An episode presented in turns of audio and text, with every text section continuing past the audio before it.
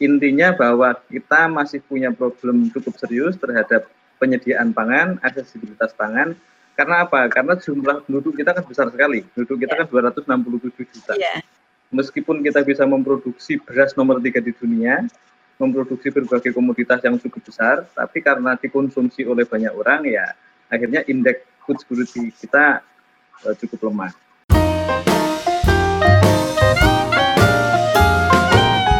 Bismillahirrahmanirrahim. Uh, Assalamualaikum warahmatullahi wabarakatuh.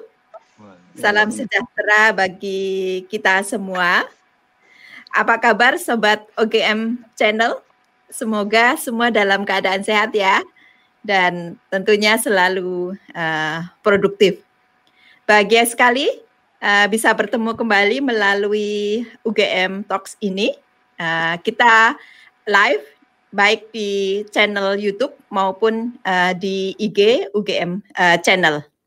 Kali ini kita akan mendiskusikan mengenai kebangkitan ekonomi masyarakat.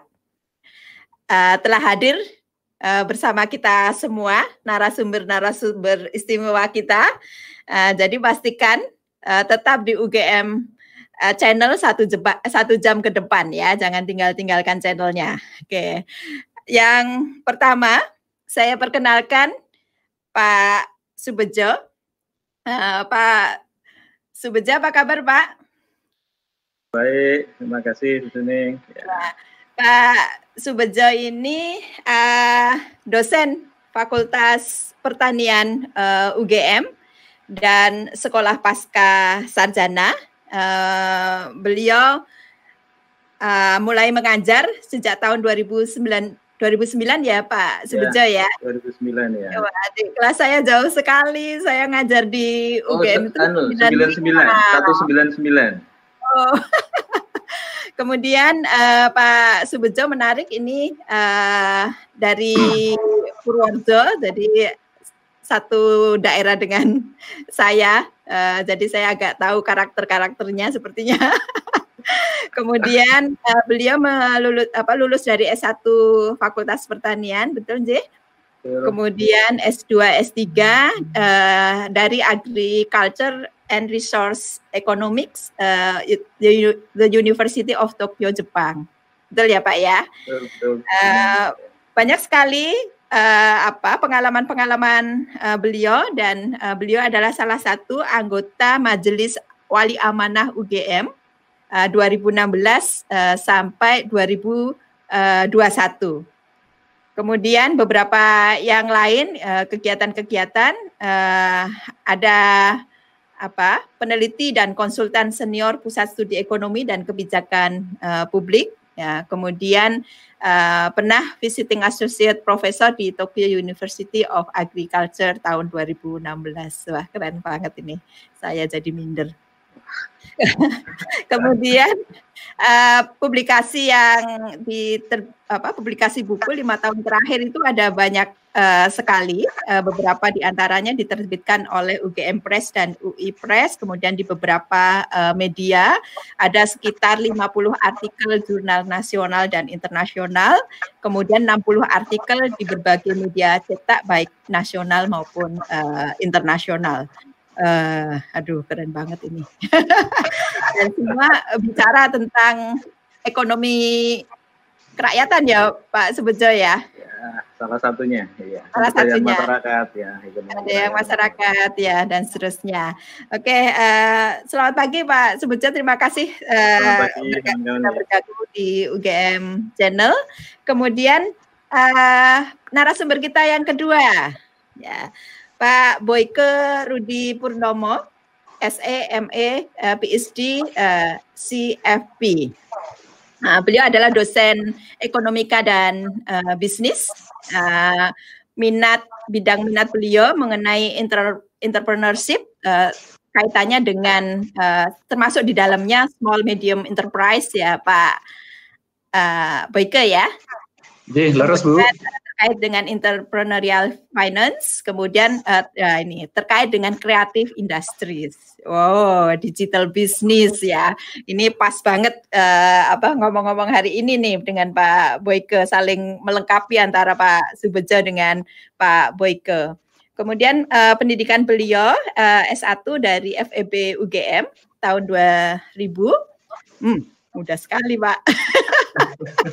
Kemudian uh, MM uh, Magister Manajemen Fakultas Ekonomika dan Bisnis uh, UGM tahun 2006.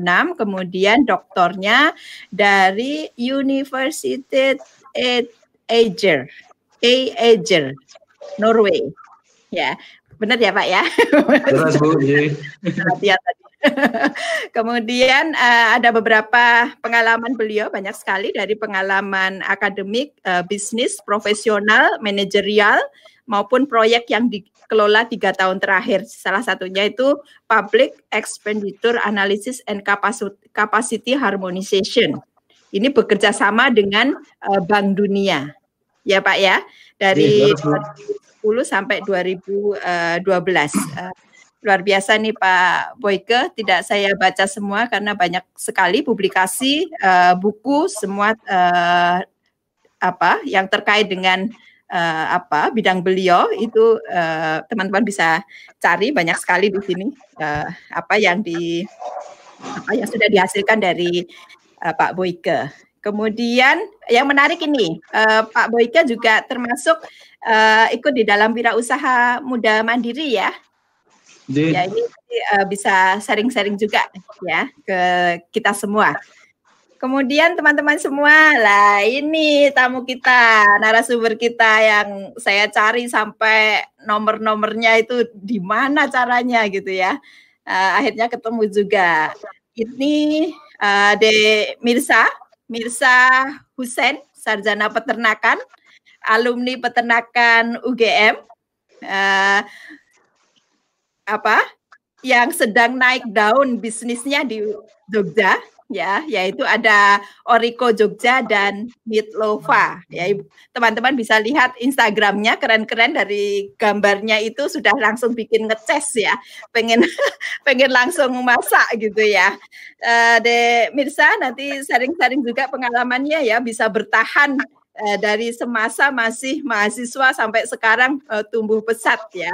Saya dengar uh, pajaknya banyak banget ya. Berarti omsetnya luar biasa. Uh, ini yang bisa kami sharing uh, perkenalan dari masing-masing uh, narasumber. Saya akan mencoba masuk ke topik kita. Topik kita hari ini mengenai kebangkitan ekonomi masyarakat. Ya, kebangkitan ekonomi masyarakat ini kan uh, tidak lepas dari uh, apa sistem ekonomi kita yang uh, di dalam pasal 33 kalau nggak salah ya Pak Subejo ya. Uh, ekonomi kerakyatan ya bahwa basis ekonomi kita itu tumbuh dari uh, masyarakat seperti itu.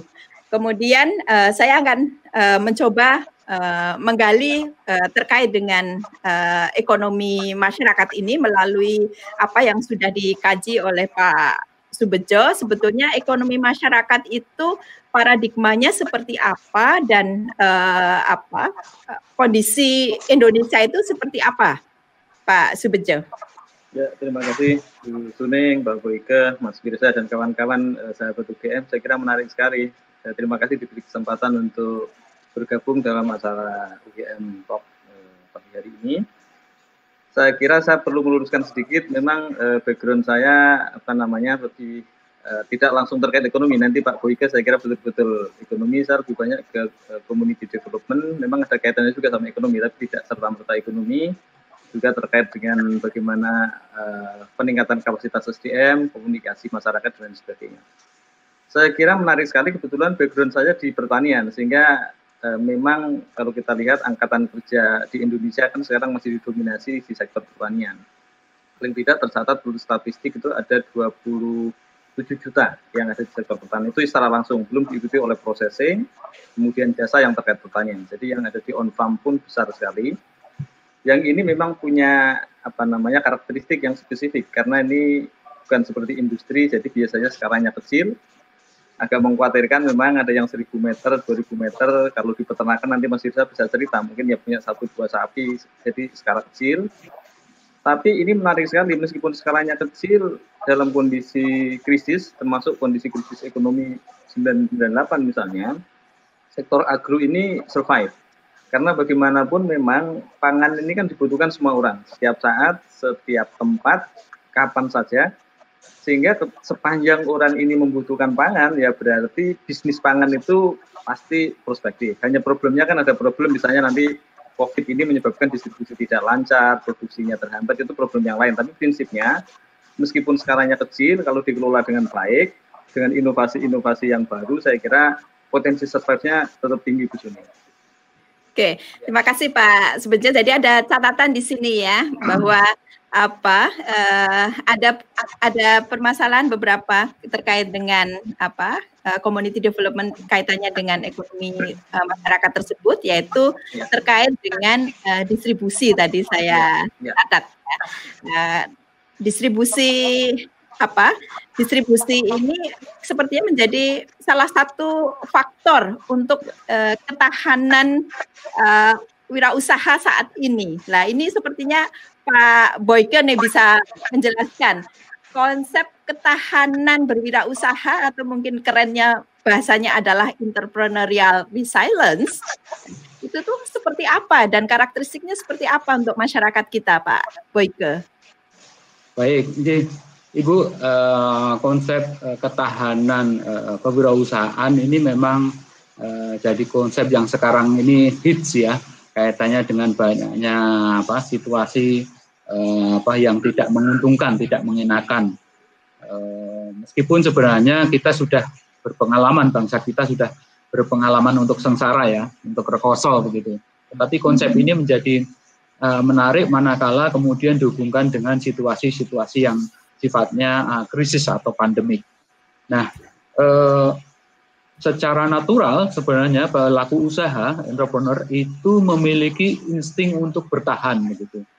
Nah, insting untuk bertahan ini kemudian eh, apa eh, yang menjadikan eh, apa individu menjadikan eh, apa eh, wirausaha ini eh, untuk kemudian memiliki kemampuan dan ketangguhan untuk menghadapi situasi-situasi yang sulit. Nah, eh, setiap eh, situasi krisis atau yang sekarang relevan situasi pandemi selalu ada dua sisi eh, apa, mata uang ya. Hal yang kemudian punya dampak positif maupun punya dampak negatif. Sebagian besar dari kita melihat pandemi atau krisis itu dari sudut pandang negatif dampak atau ekses negatifnya. Tetapi eh, tidak banyak juga yang kemudian melihat eh, dari sudut pandang Eh, aspek-aspek uh, peluang, aspek-aspek yang kemudian bisa dimanfaatkan. Nah, ketangguhan kewirausahaan uh, bicara bahwa seberapa kita sebagai individu atau sebagai pelaku usaha menikmati kondisi uh, susah ini, menikmati kondisi pandemi, menikmati kondisi krisis, tetapi kemudian tidak larut untuk uh, dalam kesusahan, tapi bisa uh, kemudian segera bangkit begitu. Jadi ibaratnya kita itu main sepak bola, kita mungkin uh, ini sudah setengah babak, sudah kegulan banyak sekali, tetapi kita tidak larut dalam kekecewaan, kita tidak larut dalam kesedihan, kita tidak meratapi nasib kita, tetapi kita uh, selalu berusaha untuk mencoba untuk memanfaatkan apa yang kita miliki untuk bangkit. Nah, ketangguhan ini yang yang uh, apa kita butuhkan sekarang ini, bukan uh, menjadi orang yang melo begitu, Eh, meratapi kondisi tetapi punya optimisme, punya semangat, punya ketekunan untuk kemudian bangkit dari kondisi yang tidak menguntungkan. Ya, menarik sekali. Secara natural itu kita tuh sebetulnya sudah di apa? Sudah dikaruniai ketangguhan tersebut karena sudah pernah tadi disebut pengalaman rekoso atau pengalaman pernah susah seperti itu yang bentuk diri kita uh, bisa mengatasi atau bisa tangguh uh, sekarang ini. Dan kalau dilihat tadi berarti lentur terhadap uh, apa yang terjadi. Jadi tidak larut tidak melo dan seperti uh, seterusnya ya. Menarik sekali tadi yang diungkap uh, Pak Boyke. Nah, sekarang dari tadi kata kunci pernah ditempa kesusahan seperti itu sehingga kita bisa terbentuk menjadi tangguh. Ini saya mau tanya nih ke Dek Mirsa nih. Dek Mirsa, tolong dong uh, sharing pengalamannya itu mulai sejak kapan memulai ada berjiwa bisnis seperti itu dan uh, bagaimana perjalanan uh, singkatnya. Uh, ya terima kasih ya Bu Pak untuk waktu dan tempatnya sudah diberikan kepada saya. Uh, sebenarnya awal mula usahanya itu dari semenjak tahun 2011 Ibu. 2011. Itu dari kita jualan saya sama istri saya sekarang jualan di pinggir jalan dulu ngumpulin modal sampai akhirnya kita bisa buka yang namanya Oriko ini. Soalnya dulu memang kita nggak dapat modal dari siapa-siapa kita pure cari. Berarti semua dari perjuangan sendiri ya Oh keren sekali nih anak muda sekarang. Dari jualan cuma dapat sepuluh ribu, dua puluh ribu satu hari itu. Dikumpulin dikumpulin akhirnya kita timbul inovasi-inovasi baru. Akhirnya ya sampai sekarang ini Bu alhamdulillah. Itu sejak tahun berapa itu berarti mulainya? 2011.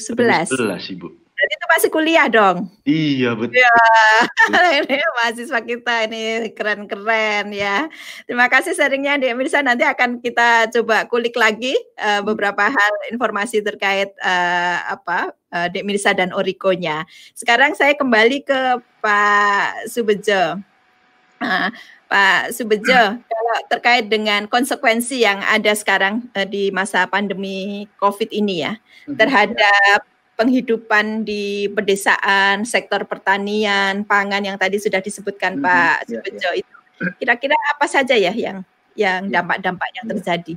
Iya, terima kasih Bu Suning. Saya kira ada banyak persoalan meskipun tadi disampaikan Pak Duike meskipun ada persoalan jangan pesimis. Tapi saya kira saya perlu menunjukkan beberapa problem yang ada Salah satunya dengan COVID ini kan membatasi mobilitas orang. Jadi orang tidak bisa bekerja seperti dulu, padahal tipikal di pedesaan itu kan padat karya. Misalnya mengerjakan berbagai aktivitas pertanian, beramai-ramai dalam rombongan yang besar, berdekat-dekatan, bisa menyiapkan lahan, panen, processing. Yang ini sekarang tidak bisa lagi karena ada aturan, ada jarak tertentu.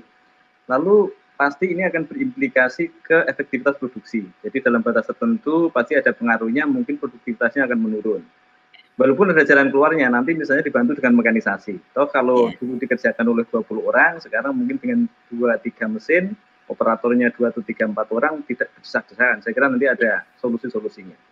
Problem yang lain yang sekarang juga banyak disinggung oleh berbagai media itu adalah problem distribusi. Ini dampaknya terasa sekali. Karena apa? Karena barang itu tersedia bisa diproduksi di desa-desa di pusat-pusat produksi tapi harganya sangat murah. Kenapa? Karena barang ini tidak bisa dibawa ke pusat konsumsi di kota-kota besar. Iya. Karena susah dibawa, ada hambatan-hambatan logistik, hambatan-hambatan transportasi, sehingga konsumen itu harus membayar dengan sangat mahal. Jadi misalnya eh, kita beli daging ayam 17.000 di supermarket, tapi di desa itu cuma 7.000 karena di desa barangnya banyak, tidak bisa dibawa ke kota karena hambatan-hambatan transportasi. Ini menyebabkan harga yang tinggi di konsumen tidak bisa dibawa ke menarik harga yang ada di produsen ini saya kira problem yang lain. Problem-problem yang lain adalah terkait dengan kesehatan. Pasti ini meskipun bukan bidang saya, tapi saya kira ini ada risiko-risiko bahwa orang-orang pelaku produksi pangan UMKM juga punya risiko kesehatan. Kalau misalnya banyak orang masuk ke desa, kemudian mereka berpotensi membawa COVID, juga mereka akan berisiko juga tertular. Kalau sudah tertular, berarti kan tidak bisa beraktivitas. Kalau tidak bisa beraktivitas, ya berarti macet produksinya. Jadi memang yeah punya banyak konsekuensi ini Bu Ya. Iya. Jadi uh, tadi uh, ada kaitannya dengan mobilitas, ada kaitannya dengan hambatan proses produksi, ada kaitannya dengan uh, distribusi, kemudian uh, ada kaitannya dengan kesehatan. Kalau yang terkait dengan uh, yang terjadi bahwa banyak PHK yang di perkotaan seperti itu Pak Subejo, ya, ya. itu kan uh, pada kembali tuh ke desa. Ya, ya, ya. Uh, itu ada beban sosial ekonomi sendiri tidak ya? Ya, jadi memang eh, bahkan tercatat di beberapa laporan misalnya ya seluruh Indonesia sudah lebih dari 2 juta orang yang ter PHK baik oleh perusahaan besar atau usaha kecil karena memang usaha-usaha ini kan tidak bisa sepenuhnya beroperasi. Akibatnya mereka membatasi produksi sehingga konsekuensinya terjadi PHK. Dan sebagian pulang ke desa. Ketika ini pulang ke desa berarti kan beban tambahan baru bagi masyarakat di desa. Tapi sesungguhnya ini ada jalan keluar, termasuk misalnya kementerian kan sudah membuat program padat karya. Nanti proyek-proyek pertanian dengan standar kesehatan tertentu tetap memperbolehkan misalnya orang beraktivitas.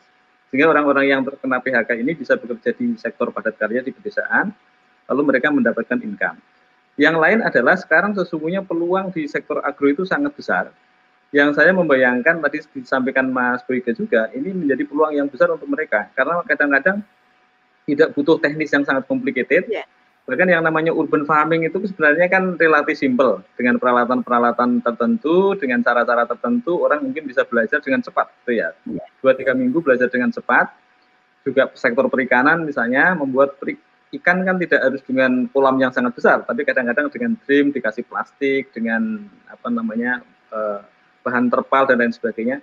Ini sesungguhnya meskipun ada dampak besar terhadap apa namanya uh, eh, PHK ini, tapi saya kira mereka sesungguhnya sekarang punya peluang. Sekarang yeah. tinggal inovasi-inovasi dikenalkan lah kepada mereka yeah. supaya mereka punya pekerjaan baru.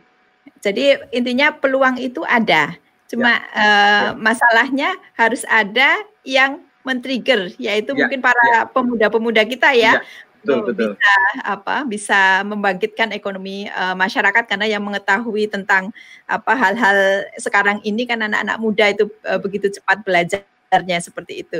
Uh,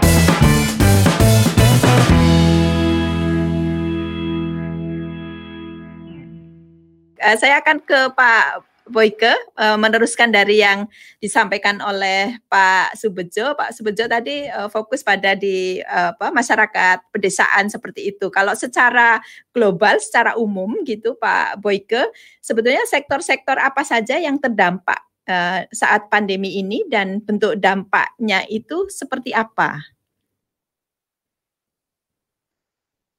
Uh, mohon maaf di kemute suaranya Pak.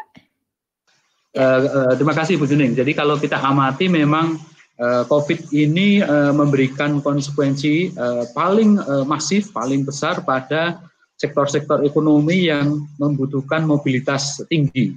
Jadi sektor-sektor yang apa berkait dengan transportasi, berkait dengan uh, bagaimana uh, kemudian orang berpindah dari satu tempat ke tempat lain ketika ada kebijakan distancing, baik itu social distancing maupun physical distancing, uh, termasuk mungkin PSBB dan uh, lockdown, pasti akan terkena dampaknya.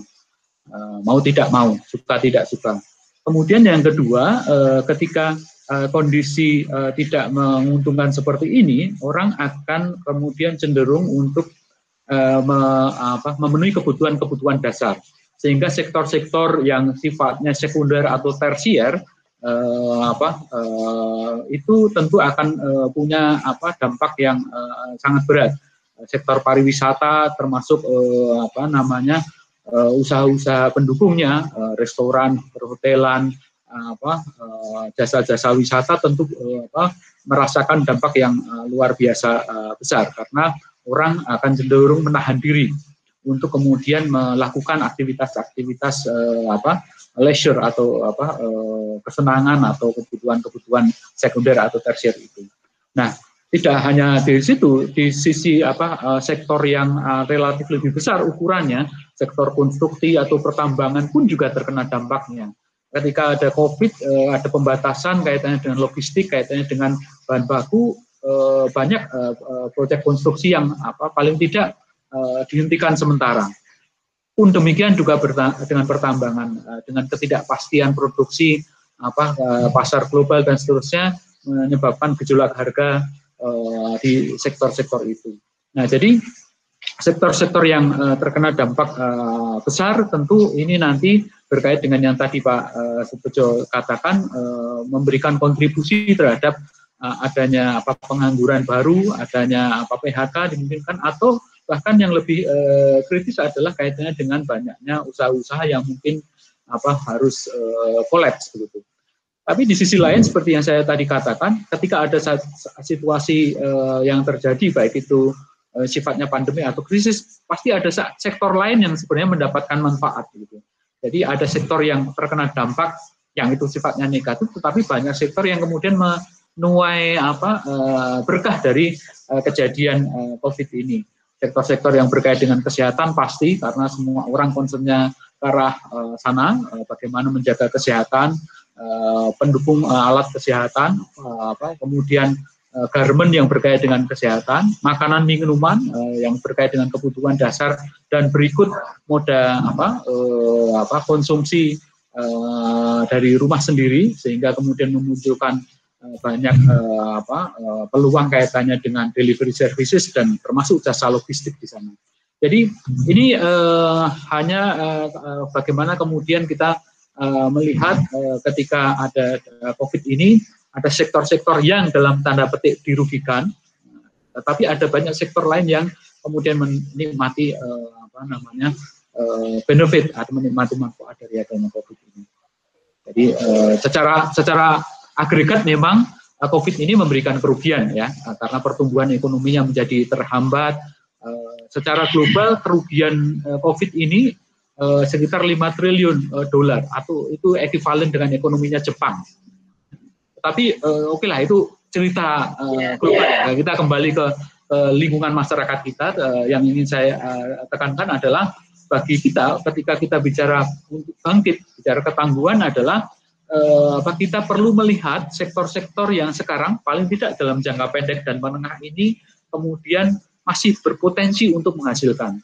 Sektor-sektor yang terdampak dari pariwisata, apa transportasi dan seterusnya mungkin butuh waktu enam bulan atau satu tahun bahkan di beberapa uh, terbitan mengatakan bahwa sektor pariwisata baru bangkit uh, dua tahun ke depan. Oke, okay, nggak masalah. Tetapi uh, mungkin bagi kita sekarang perlu menavigasi diri kita untuk melihat peluang-peluang yang yang ada. Jadi di setiap krisis selalu uh, memunculkan peluang dan kita uh, tentu harus lebih sensitif untuk memiliki uh, apa radar atau antena yang yang bisa uh, mengidentifikasi peluang tersebut kemudian memanfaatkan peluang yang ada. Jadi lebih sensitif mempunyai radar yang uh, apa terhadap apa yang uh, apa inovasi-inovasi apa yang kemudian kita lakukan untuk mengatasi permasalahan yang tadi ya. Nah, ini saya ke Mas apa Dek Mirsa nih. Mohon maaf yang lain tidak saya panggil walaupun semuanya adik-adik saya semua. saya yang paling tua di sini ya. Dek Mirsa ya. Dek Mirsa ini tadi yang seperti disampaikan Pak Boyke nih uh, ada sektor-sektor yang uh, rugi, ada sektor-sektor yang apa diuntungkan gitu. Uh, saya lihat yang de Mirsa itu yang termasuk yang diuntungkan gitu ya. Artinya maksudnya kemudian inovasinya itu bisa cepat sekali. Saya yang tadinya tidak mengenal Oriko sebelum pandemi, itu ketika pandemi ini kok tiba-tiba apa ngelihat uh, Oriko itu sudah langsung tertarik aja gitu, sudah jadi pelanggan tetap. Ini uh, gimana pengalaman ceritanya sebelum pandemi dan uh, ketika pandemi ini, uh, Dek bisa? Sebelum pandemi ini memang sebenarnya berjalan seperti biasa ya Bu ya, tapi setelah pandemi ini memang untuk awal-awal pandemi ini karena kita belum menemukan inovasi yang tepat, memang agak ada penurunan. Cuman setelah kita pelajari hari demi hari, akhirnya kita dapat inovasi mereka-mereka yang mau berbelanja daging kita permudah dengan belanja online, Bu. Jadi oh, yeah. uh, lewat WA atau lewat ojek online. Jadi mereka yang mau berbelanja itu tidak harus keluar rumah, Ya, Mereka jadi tinggal, fasilitasi ya, apa, iya, Bu. apa iya. pengirimannya ya, itu iya, kita fasilitasi itu ya. semua. Jadi mereka di rumah yang mau masak masih bisa ngurus anaknya karena anaknya nggak bisa sekolah, yeah. tapi masih bisa dapat bahan baku untuk memasak gitu. Iya, yeah. yeah. Jadi uh, terus ditambah itu kita adakan promo juga bu lewat yeah.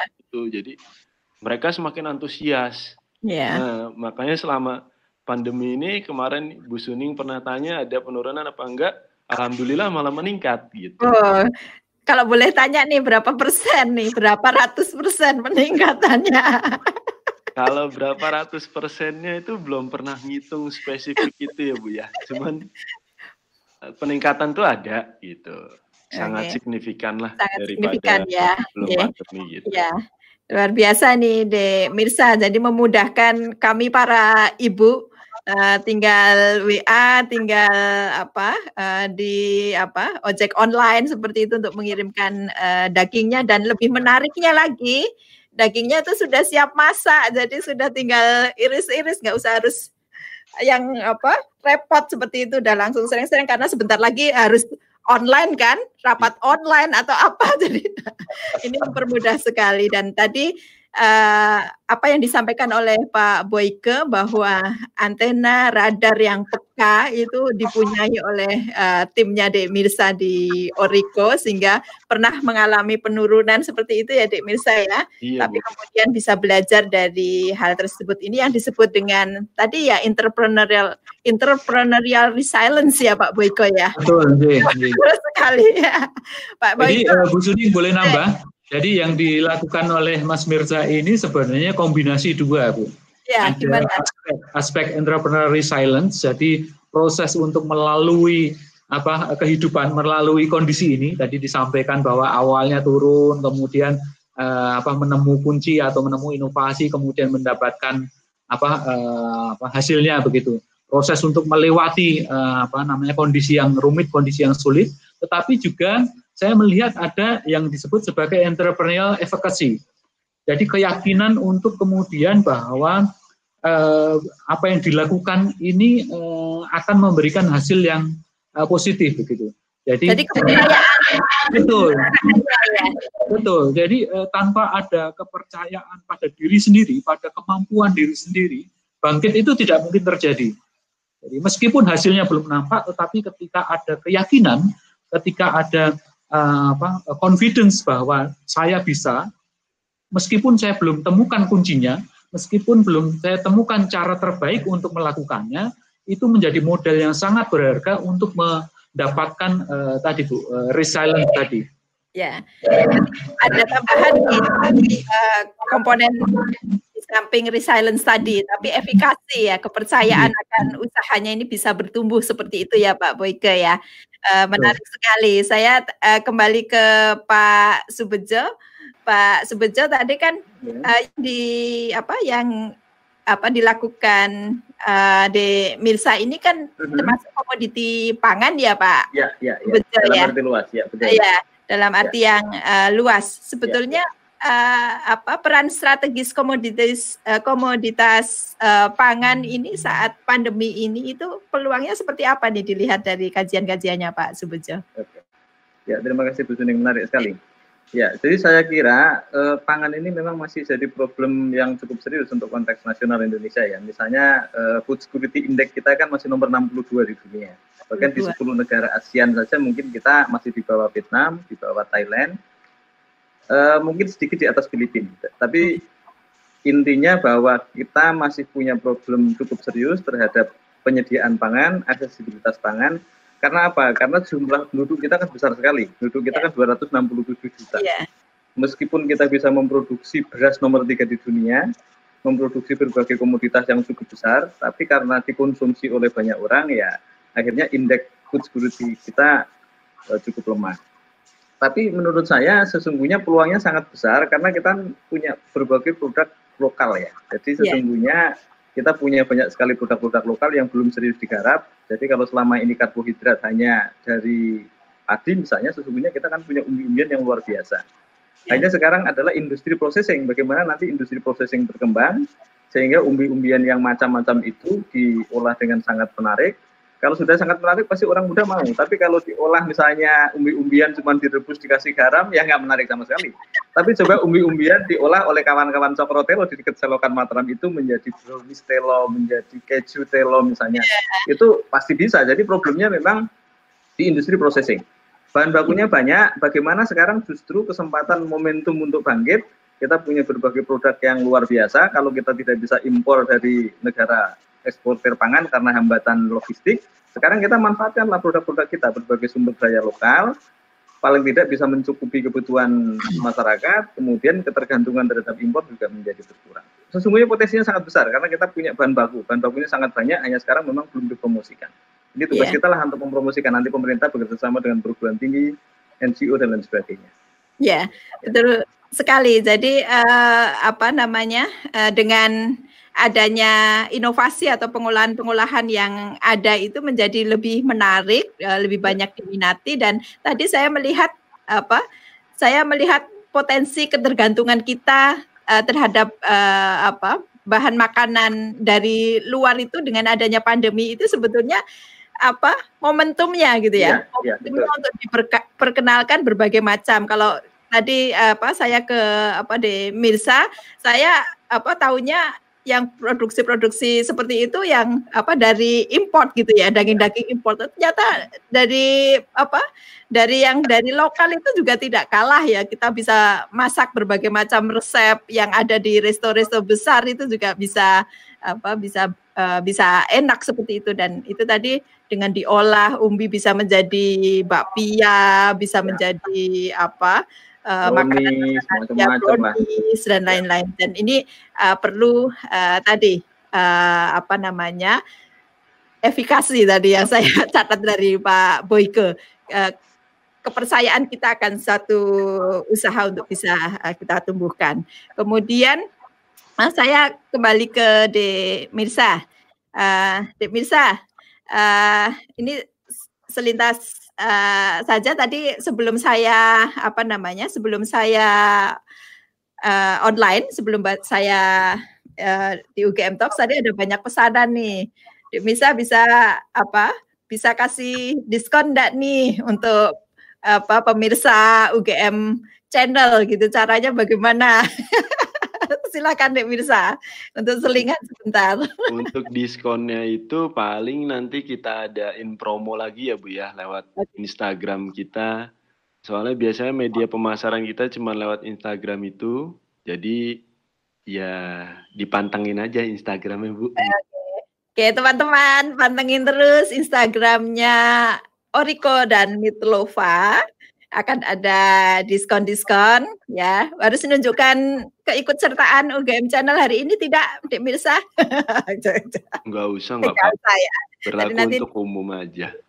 Dan menarik sekali ini uh, karena tadi kok saya jadi tertarik dengan kata resiliency, efikasi gitu. Saya melihat sosok apa Dek Mirsa itu apa punya karakter itu ya, apa, sangat percaya itu dengan modal apa uh, pemasaran melalui Instagram itu kok dampaknya jadi sangat signifikan. Hanya Instagram loh ya. Iya. Aplikasi iya. ada nggak, Dik Mirsa? Aplikasi yang lain? Belum ada, Bu. Pemasaran ada. kita cuma lewat Instagram aja. Hanya Instagram, Mbak Boyke. Menarik sekali, Mbak Boyke. Ini tolong bisa dilihat dari sisi tadi dong resiliency.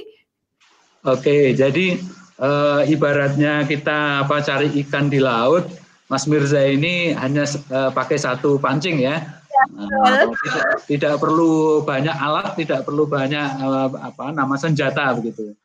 Uh, ketika kita berbisnis, uh, tentu uh, pilihan atas alat, uh, entah kita bicara promosi ya, uh, beragam gitu. Tetapi yang terpenting adalah memilih alat yang pas untuk konsumen yang pas. Nah, Mas Mirza, saya pikir uh, melakukannya dengan sangat cerdik ya bahwa dalam kondisi pandemi seperti ini orang diminta disarankan untuk tidak eh, banyak beraktivitas di luar rumah tinggal di rumah dengan batasan-batasan sosial dan batasan fisik yang dilakukan ketika apa orang di posisi itu tentu adalah bermain dengan kesenangannya dia sendiri. Nah sekarang ini kesenangan itu diwadahi dengan sosial media yang beragam itu. Dan pemilihan Instagram eh, sangat pas karena eh, orang akan punya kecenderungan dalam sehari itu eh, melebihi waktu sholat ya. Tidak hanya lima kali ngecek eh, Instagram, tapi hampir setiap gitu kan. Jadi ini eh, cerdas untuk melihat area mana yang kalau lagunya Ari langsung itu sentuhlah dia tetap eh, tepat di hatimu ya. Jadi ini pas banget dengan pola perilaku dari konsumen uh, pada uh, kondisi pandemi. Dia nggak keluar rumah, kalau pasang iklan di pinggir jalan nggak ada yang baca begitu ya. Yang bisa ada diekspos dengan eh, media-media sosial yang memungkinkan uh, media sosial itu mengkomunikasikan atau menjawab kebutuhan-kebutuhan mereka, kebutuhan-kebutuhan orang yang ada yang mager, ada yang apa pengen gerak tapi dibatasi dan seterusnya. Jadi eh, saya pikir eh, meskipun hanya satu alat, tetapi ketika eh, apa alat eh, promosinya itu sesuai dengan target eh, sasarannya Mas Mirza ini, tadi ibu yang sibuk eh, ngurus anak, eh, berkantor dan seterusnya, tidak bisa keluar. Nah ini eh, saya pikir eh, apa strategi yang eh, luar biasa eh, kreatif gitu ya satu tetapi menohok gitu. Jadi hasilnya ya tangkapannya besar.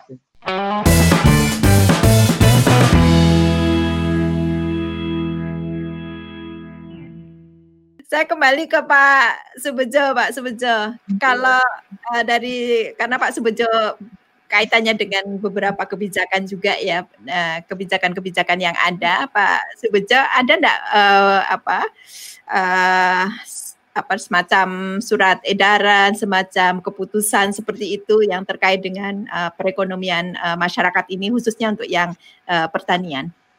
Terima kasih Bu.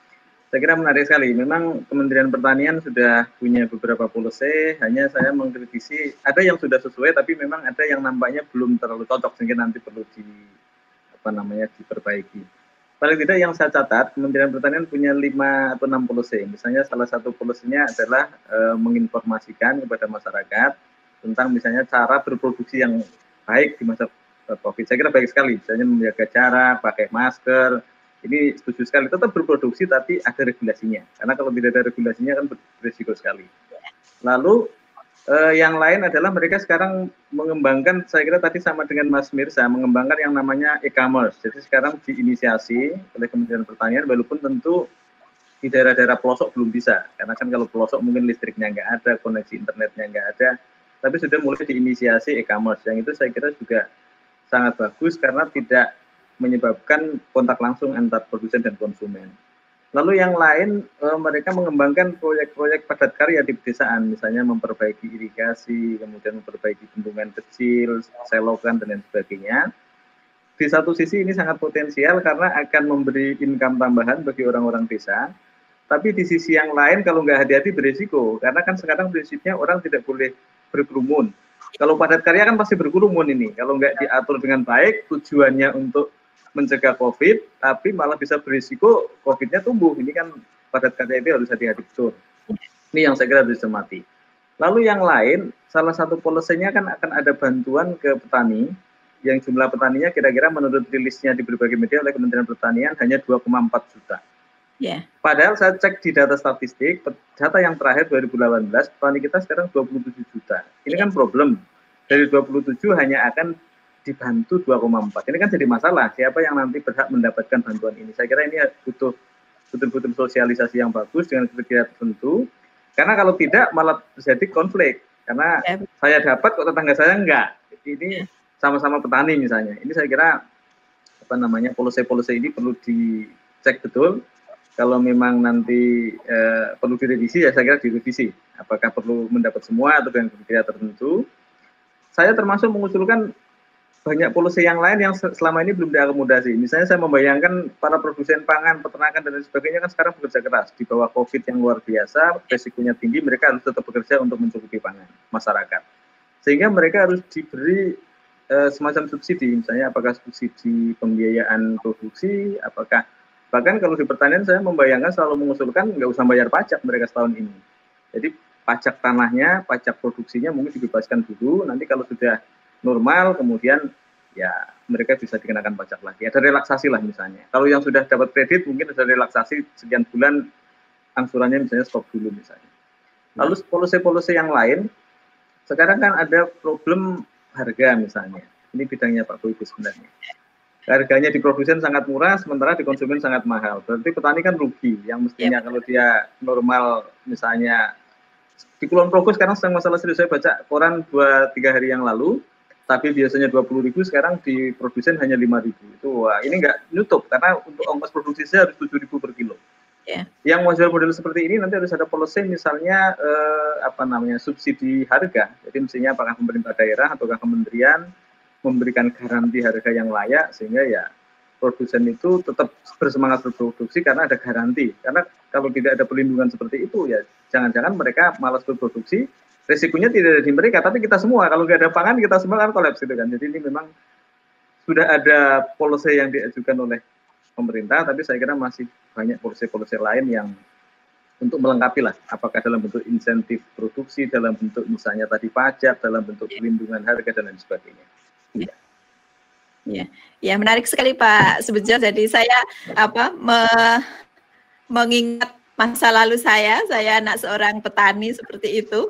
Jadi ketika melihat susahnya petani ya. uh, menanam apa pun, kemudian ya. uh, menjualnya dengan harga yang murah, kemudian ya. ternyata nggak nutup gitu ya, nggak nutup dengan apa biaya produksi. Ya. Sehingga ya. saya kebayang waktu itu nggak, saya nggak mau di apa ngurusin itu pokoknya saya harus harus merubah keluarga saya ini harus pakai ada apa tadi profesi yang lain nih apa nih ini Pak Boyke menarik sekali tadi yang dilontarkan uh, Pak Subejo bahwa uh, peran pemerintah dalam kaitannya keadaan yang sudah lama sekali seperti ini terjadi bahwa ternyata ada gap harga antara di apa ada selisih harga yang cukup signifikan di uh, petani di peternak sampai dengan di penjualannya. Gimana nih peran pemerintah uh, bisa berkontribusi di sana dan bagaimana pelaku usaha atau petani dan peternak tadi itu bisa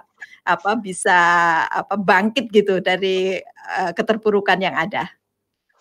Jadi kalau kita bicara kaitannya dengan harga apa jual produk pertanian yang kemudian di bawah harga produksinya, ini kelihatannya masa klasik ya Pak Bejo ya, ya. Nah, yang berulang dan ya. semakin parah di kondisi pandemi seperti ini. Ya. Nah sebenarnya isunya uh, utama adalah kaitannya dengan tata niaga. Masalah harga itu kan terbentuk dari adanya apa namanya suplai barang dan adanya permintaan gitu. Nah, uh, tata niaga ini yang uh, sekian lama uh, kaitannya dengan kebutuhan apa atau hasil pertanian entah itu cabai, entah itu bawang putih, macam ragam ini yang kemudian apa tidak berhasil dikelola dengan benar oleh atau dengan baik oleh pemerintah. Terlalu banyak tangan-tangan yang tidak terlihat yang kemudian uh, mempengaruhi uh, apa harga ini. Nah, jadi uh, ini yang yang sekian lama uh, belum berhasil di, diselesaikan oleh uh, pemerintah baik itu pemerintah uh, apa, uh, regional maupun uh, nasional ya. Isunya berulang terus ketika apa uh, musim panen selalu harganya turun dan seterusnya. Tetapi kita selalu punya apa, uh, apa eks, uh, impor atas produk-produk itu. Jadi isunya ini uh, bingkainya adalah bingkai uh, apa industri uh, yang lebih besar apa kaitannya dengan tata niaga. Nah, apa yang bisa dilakukan sekarang? Kalau kemudian berharap pemerintah itu memastikan apa uh, rent atau orang-orang yang tangannya tidak kelihatan tetapi kemudian mempengaruhi harga tadi itu uh, apa dihapus mungkin butuh waktu ya. KPK sudah mau, mau masuk ke arah sana ya berkait dengan itu. Tetapi dalam konteks yang mikro di, di masyarakat sekitar kita, uh, isunya mungkin adalah bagaimana mengembalikan uh, soliditas sosial, hmm. sosial kita. Jadi uh, bagaimana kemudian uh, kita bangga membeli produk dari tetangga kita, hmm. bangga kemudian me, menyajikan hasil dari karya saudara kita itulah bentuk apa kemandirian atau independensi dalam konteks ekonomi yang tadi disinggung Pak Bejo di awal tentang terkait dengan kerakyatan. Kalau kemudian kita mengandalkan pemerintah, terlalu banyak urusan pemerintah yang sampai sekarang belum bisa diselesaikan. Sehingga inisiatif dari misalkan pemerintah Kulon Progo bila beli uh, apa Kulon Progo ini menurut saya langkah yang baik ya menginterpretasikan dari gerakan Swedesi ya. Yeah. Bahwa kemudian apa kita itu harus mampu berdikari uh, di, di antara lingkungan sosial kita.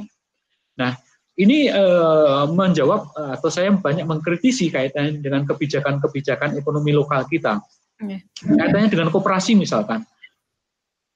Tidak banyak koperasi yang kemudian punya peran karena memang koperasi dijalankan lebih banyak untuk mendapatkan proyek. Yeah. Tujuannya lebih banyak untuk melakukan jasa-jasa uh, misalkan itu apa namanya simpan pinjam yang konsumtif, iya. Tetapi yeah. tidak cukup banyak operasi yang benar-benar mengidentifikasi kebutuhan lokal, iya. mengidentifikasi kemampuan lokal dan mencoba memenuhi dalam uh, konteks yang mikro. Yeah. Nah, sebenarnya peluang pada kondisi pandemi sekarang ini. Misalkan kita bicara apa uh, kaitannya dengan daging tadi. Yeah. Kita bisa uh, lihat tuh kebutuhan lokal kita, Jogja atau Sleman atau uh, DIY itu berapa? Kemudian yeah. uh, produsen lokalnya berapa? Yeah. Saatnya sekarang untuk kemudian kita saling apa, uh, membantu hmm. uh, tetangga kita yang punya barang dengan yeah. kita yang punya kebutuhan. Yeah. Uh, sedikit nggak masalah selama kemudian kita bisa kemudian yakin bahwa ini uangnya tidak lari ke mana-mana. Yeah. Nah, keadaan pandemi ini menurut saya menjadi momentum bagi kita semua untuk kemudian sadar bahwa uh, rantai pasokan akibat pandemi ini kan terganggu sedemikian rupa ya, sehingga me, me, meminta barang dari luar daerah itu butuh waktu, butuh uh, apa, biaya yang lebih ya. Sehingga mari uh, menurut uh, saya adalah kita sadar tentang apa yang dimiliki oleh tetangga kita dan apa yang kita bisa lakukan untuk saling apa semacam barter lokal itu pak. Yeah. Nah kalau seperti itu saya meyakini kita akan jauh lebih kokoh, kemandirian ekonominya jauh akan lebih terjadi begitu karena kita tidak hanya serta merta digerakkan keputusannya keputusan ekonomi cari yang murah, tetapi yeah. kita punya tujuan yang lebih luas berkait dengan uh, mendapatkan uh, apa namanya uh, keberkahan bersama. Yeah. Yang jual juga mendapatkan harga yang layak, yang beli karena itu yang beli ada tetangga kita yang jual juga nggak akan berani macam-macam karena yeah. kalau ada macam-macam dia punya sanksi sosial. Nah, yeah. sosial ini yang menurut saya perlu dikembangkan ya. Jadi orang kemudian bertransaksi tidak semata-mata alasan harga, alasan yang paling murah, tetapi yeah. apakah kita kemudian bisa mewujudkan kebahagiaan bersama. Yeah. Toh pada akhirnya kan kalau ada apa-apa kena COVID dan seterusnya yang rugikan tetangganya. Jadi uh, menurut saya uh, gerakan ekonomi lokal menjadi jawaban bagi kita untuk bangkit bersama.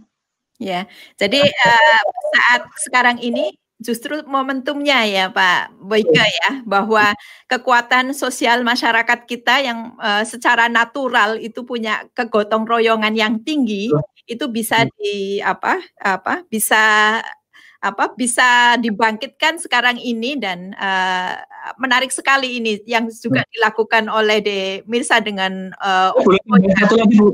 Ya gimana? Jadi, uh, apa yang dilakukan ini kan tidak serta merta terjadi ya. Iya betul. Yang peran pemerintah adalah mengorkestrasi bu. Oke, peran pemerintah. Orkestrasi uh, apa yang punya kebutuhan itu, ya. Okay, yang ya. punya kebutuhan daging itu siapa berapa banyak, yang bisa ya. mensuplai siapa berapa banyak dipertemukan. Ya. Oke ya. Entah itu lewat platform, entah lewat mekanisme yang lain, tetapi mengorkestrasi supaya ketemu nih. Nah kalau ya. sudah ketemu mereka uh, seperti tadi Bu Suning uh, katakan ya tinggal WA uh, Mas Mir saja kan karena ya, sudah ketemu. Ya. ketemu kan sulit. Ya. Gitu. Kata kuncinya ya ketemu lah. Pemerintah punya peran mengkoneksikan ya mengkoneksikan yang membutuhkan dan yang memproduksi seperti itu ya. Itu luar biasa nih dampaknya kalau kita bisa memanfaatkan sampai enam bulan ke depan sehingga ekonomi masyarakat bisa tumbuh kita tidak tergantung pada ekspor bahan makanan dan lain sebagainya ya. Menarik sekali nih ya saya jadi uh, apa namanya apa optimis gitu ya bahwa masyarakat masyarakat kecil kita uh, bisa uh, tumbuh bangkit seperti itu. Saya akan uh, kembali ke Pak apa kembali ke De Mirsa, De Mirsa. Tadi kaitannya dengan uh, apa uh, lokal saja ya, kebutuhan Jogja saja gitu ya. Uh, Oriko ini kan mensuplai uh, di sekitar Jogja gitu ya. Iya bu. Kewalahan tidak itu mensuplai ada di Jogja itu? Terkadang suatu waktu kewalahan, Bu. Iya. Iya. Berarti kan kebutuhannya banyak ya Pak Boyke ya?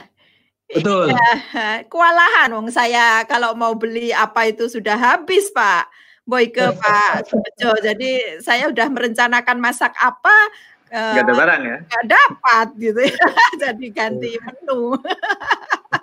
Jadi kewalahan dengan Lova dan Oriko tadi ya, deh, Mirsa ya. Iya, Iya. Terkadang momentum-momentum tertentu itu ya kewalahan sekali, Bu. Kadang iya. orang yang mau beli sama barang yang mau kita jual malah banyak orang yang mau beli daripada barang yang kita. Nah, itulah. Oh, Dan saya tertarik sekali nih, De Mirsa itu terjun langsung gitu memperlihatkan bagaimana uh, proses dari apa peternak gitu ya, De Mirsa ya.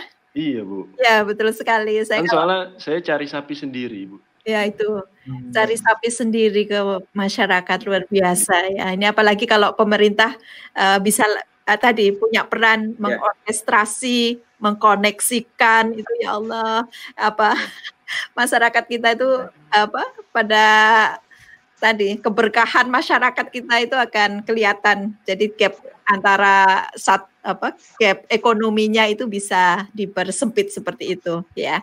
Uh, yang berikutnya saya uh, akan ke Pak Subejo. Pak Subejo setelah uh, melihat apa yang ada, uh, hal mendasar apa yang bisa kita lakukan untuk bangkit dari situasi-situasi seperti ini dari uh, kacamata apa uh, ekonomi apa bukan uh, dari apa uh, pedesaan dan apa yang kaitannya dengan uh, apa ekonomi masyarakat tadi. Ya. ya, saya kira tadi menambahkan Pak Boyke sedikit bahwa betul sesungguhnya masyarakat kita kan punya solidaritas yang tinggi ya. Pengalaman bertahun-tahun menunjukkan kita punya modal sosial, kita punya solidaritas yang tinggi sehingga sekarang saatnya untuk direvitalisasi. Karena kadang-kadang kalau tidak direvitalisasi ya kita lupa, tapi sekarang adalah momentum untuk merevitalisasi kegotong royongan solidaritas kita yang ini bisa diterapkan untuk proses-proses produksi. Jadi bagaimana nanti para produsen-produsen pangan, apakah itu di tanaman pangan, di sayuran, di peternakan, di perikanan, mereka e, didorong supaya direvitalisasi semangat untuk bekerja sama, untuk saling tolong-menolong, baik dalam hal proses produksi, inputnya, dan lain sebagainya termasuk ide yang menarik tadi Pak Boyke saya kira betul di banyak tempat itu kan pemasaran akan efektif kalau ada direct selling karena tidak banyak rantai kalau biasanya rantainya 7 8 rantai sehingga habis di jalan ya. sekarang bagaimana mempertemukan kelompok produsen misalnya ada 10 20 30 produsen memproduksi ya. apa lalu dipertemukan dengan kelompok konsumen Yeah. Saya membayangkan seperti kampus, perumahan, kemudian suatu kawasan itu kan konsumen semua. Kalau itu yeah, bisa diorganisasi, yeah. kebutuhan berasnya misalnya 10 ton. Yeah. Dipertemukan dengan produsen pangan di suatu kawasan 10 ton. Ketemu iya. harganya yeah. bagus karena kan tidak hilang di jalan. Seperti yeah. yang dilakukan Mas Mirza saya kira bagus sekali karena kan yeah. apa namanya lewatnya hanya lewat satu pintu Mas Mirza dari produsen ke Mas Mirza langsung ke konsumen. Itu saya kira akan menjadi salah satu strategi tapi prinsipnya adalah revitalisasi uh, apa namanya semangat modal sosial masyarakat sehingga uh, nanti akan mempertemukan dengan uh, konsumen. Lalu yang lain adalah bagaimana kita memanfaatkan sumber daya lokal. Saya tadi sudah jelaskan kita sesungguhnya punya potensi sumber daya lokal yang luar biasa dalam bentuk apa pun, apakah itu ternak ataukah ikan ataukah tanaman pangan ataukah sayuran. Yang ini sekarang harus digarap. Ini saatnya momentum kita untuk memanfaatkan apa yang kita miliki yang selama ini mungkin tidak kita lirik karena kita banyak misalnya menggunakan produk-produk impor seolah-olah lebih tinggi kualitasnya. Tapi kita punya berbagai produk. Jadi bagaimana sekarang di masa-masa sulit ini sumber daya lokal dioptimalkan dengan inovasi. Kuncinya inovasi Bu Suning. Kalau nggak ada inovasi pasti nggak menarik. Jadi sumber daya lokal dimanfaatkan dengan sentuhan-sentuhan inovasi yang bisa datang dari mana saja. Kalau ini bisa, saya kira kita sangat prospektif, ekonomi kita bisa bangkit. Ya, Kata kuncinya saya tangkap tadi revitalisasi modal sosial yang kita ya. punya, yang kedua menginovasi produk-produk lokal yang kita ya. punya. Ya, terima kasih Pak Subejo. Saya eh, nanti Pak Boyke yang terakhir, saya akan kembali ke Dek Mirsa. Dek Mirsa, Dek Mirsa ini kan apa namanya sosok uh, apa yang saya lihat itu cari pekerjaan gitu Nah, buktinya saya minta CV itu saya malah ditanya Bu ada contoh CV-nya tidak? Berarti tidak pernah ngelamar pekerjaan itu ya. Iya betul. ya Mirsa, bagaimana ya bisa menumbuhkan bahwa uh, pekerjaan itu diciptakan. Jadi bukan kita mencari pekerjaan, tapi pekerjaan itu diciptakan. Kita bisa di sana. Bagaimana nih uh, pengalaman pribadi dari Dek Mirsa? Soalnya dulu itu pas zaman kuliah itu sering banget ya Bu ya, apa teman-teman tuh kalau misalkan besok kalau lulus mau kerja di mana, besok kalau mau lulus mau kerja di mana, besok kalau IP segini, IPK sekian kita mau kerja di mana. Maksudnya mereka tuh nggak bisa mengembangkan apa yang ada di diri mereka masing-masing gitu loh Bu. Mereka cuma terpatok dari, oh kalau misalkan saya punya IPK sekian, saya bakalan kerja jadi ini Yeah. Kalau misalkan saya punya skill ini, saya bakalan kerja jadi ini. Yeah. Padahal ya memang itu menunjang sebetulnya cuman mereka kan nggak tahu ya namanya ya hal seperti itu selain itu juga ada nasib juga yang menentukan gitu yeah. takdir juga yang menentukan jadi nggak nggak serta merta IPK tinggi terus mereka dapat pekerjaan yang layak kan nggak gitu bu yeah. Yeah. jadi ya harus ada penciptaan dari diri sendiri dulu. Ya, diri sendiri tadi ya kepercayaan ya. diri tadi ya efikasi ya. diri saya jadi ingat uh, dari Pak apa Pak Boyke Pak Boyke untuk menutup ya karena sebentar lagi ya. sudah selesai Pak Boyke uh, apa yang perlu uh, dilakukan ini untuk pelaku pelaku usaha UKM biar uh, tangguh uh, dan bisa bangkit. Ya baik, jadi kalau untuk uh, pelaku usaha supaya kita punya ketangguhan yang uh, baik, punya resilience yang kuat, ada empat hal sebenarnya. Yang pertama adalah kita harus menjadi orang yang fleksibel. Fleksibel. Fleksibel dalam arti bahwa kita punya tingkat toleransi yang tinggi terhadap ambiguitas, terhadap ketidakpastian. Hmm. Kita bersahabat dengan mereka, kita berselancar dengan ketidakpastian itu. Karena eh, apa eh, kita selalu yakin bahwa masa depan kan penuh ketidakpastian. Gitu. Yeah. Jadi kalau kemudian kita apa eh, punya kemampuan yang cukup apa eh, luas begitu untuk apa me, me, mengikuti ketidakpastian itu dalam ombak itu tentu potensi selamatnya akan lebih besar daripada kita memaksakan diri uh, dengan status quo kita. Yeah. Yang kedua, uh, orang yang punya ketangguhan tinggi itu dimulai dari motivasi diri sendiri. Okay. Jadi harus punya uh, apa motivasi yang kuat uh, untuk mencapai sesuatu. Tidak puas dengan apa yang uh, didapat sekarang, mungkin punya banyak mimpi begitu. Nah, jadi biasanya orang yang punya motivasi kuat ini tidak hanya didorong oleh motivasi yang sifatnya ekstrinsik seperti uang, keuntungan, kekayaan dan seterusnya. Tetapi biasanya didorong juga oleh eh, nilai-nilai uh, motivasi intrinsik seperti apa uh, kebanggaan, kerelaan membantu orang lain, kebermanfaatan dan seterusnya. Jadi pelihara motivasi di level yang tinggi. Yang ketiga, perseverance, artinya ketekunan. Dalam kondisi yang apa uh, krisis atau pandemi seperti ini, hanya orang yang tekun saja yang akan sukses. Jadi eh, saya tadi ilustrasikan ibaratnya kita main sepak bola sudah kebobolan tiga gol, kita tekun terus coba. Apa pun eh, apa eh, konsekuensinya, di apa eh, apa eh, lempar bolanya nggak masuk, coba lagi dengan cara yang berbeda, dicoba terus isinya.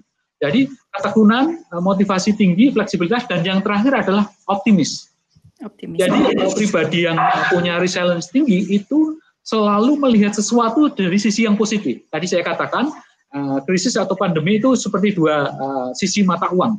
Ada yang apa banyak dirugikan tapi juga ada banyak diuntungkan. Nah, orang yang punya resilience tinggi akan lebih banyak melihat dari sisi yang mana yang menguntungkan. Yeah. Sehingga uh, nanti kemudian efikasinya muncul begitu. Nah, di sini kemudian uh, dibutuhkan kemampuan untuk apa melihat dan mengkalkulasi risiko termasuk mengeksploitasi eh, hal-hal yang uh, apa, uh, belum pernah dilakukan. Coba-coba yang disebut sebagai Mas Mirza tadi inovasi. Intinya adalah re, respon kita atas kondisi pandemi, atas kondisi krisisnya adalah respon yang konstruktif. Jadi kita tidak apa, kemudian mengedepankan keluh kesahnya, tetapi memikirkan apa yang kita bisa lakukan dengan kondisi sekarang. Jadi empat hal itu yang memungkinkan kita akan memiliki resilience yang tinggi. Ya. Terima kasih sekali, uh, menarik sekali. Uh, kami mendapatkan beberapa kesimpulan di sini, Pak uh, Boyko, Pak Subejo, De Mirsa, bahwa uh, dalam masa-masa seperti ini dan uh, untuk kita bisa bangkit ya ekonomi masyarakat kita, kita, uh, kita perlu punya fleksibilitas yang tinggi, kemudian punya motivasi diri yang tinggi, ketekunan dan optimis yaitu bisa merespon uh, secara positif apa yang uh, terjadi. Kemudian tadi uh, terkait juga uh, revitalisasi modal sosial yang sudah kita punya, kemudian inovasi bahan uh, lokal tadi ya yang disebutkan oleh Pak Subejo dan uh, apa kita bisa meneladani atau mencontoh uh, de Mirsa bagaimana dia bisa tangguh, bisa apa uh, bertahan dan uh, memanfaatkan saat-saat atau momentum-momentum yang ada bisa apa di gunakan untuk uh, belajar dan uh, bisa bangkit dari uh, ekonomi uh, yang ada sekarang ini ya. Semoga bisa menginspirasi bagi uh, sobat UGM Channel. Jadi saatnya kita bersama-sama uh, masyarakat di sekitar kita untuk uh, saling tadi bergotong bergotong royong apa yang bisa kita uh, lakukan. Dan uh, saatnya ini kita bangkit sebetulnya ya momentumnya. Kalau kita lihat uh, masih ada enam bulan ke depan ini saatnya kita melakukan hal-hal inovasi yang kita bisa uh, lakukan untuk uh, membangkitkan uh, ekonomi uh, masyarakat. Terima kasih sekali uh, Pak Boyke, Pak Subejo, di Mirsa sampai uh, bertemu uh, pemirsa UGM Channel sampai bertemu hari Selasa. Eh maaf, sekarang hari Selasa ya. Sampai bertemu hari Jumat ya nanti di channel UGM channel kembali dan mudah-mudahan bermanfaat. Kalau ada hal-hal yang kurang uh, berkenan kami uh, mohon maaf. Assalamualaikum warahmatullahi wabarakatuh.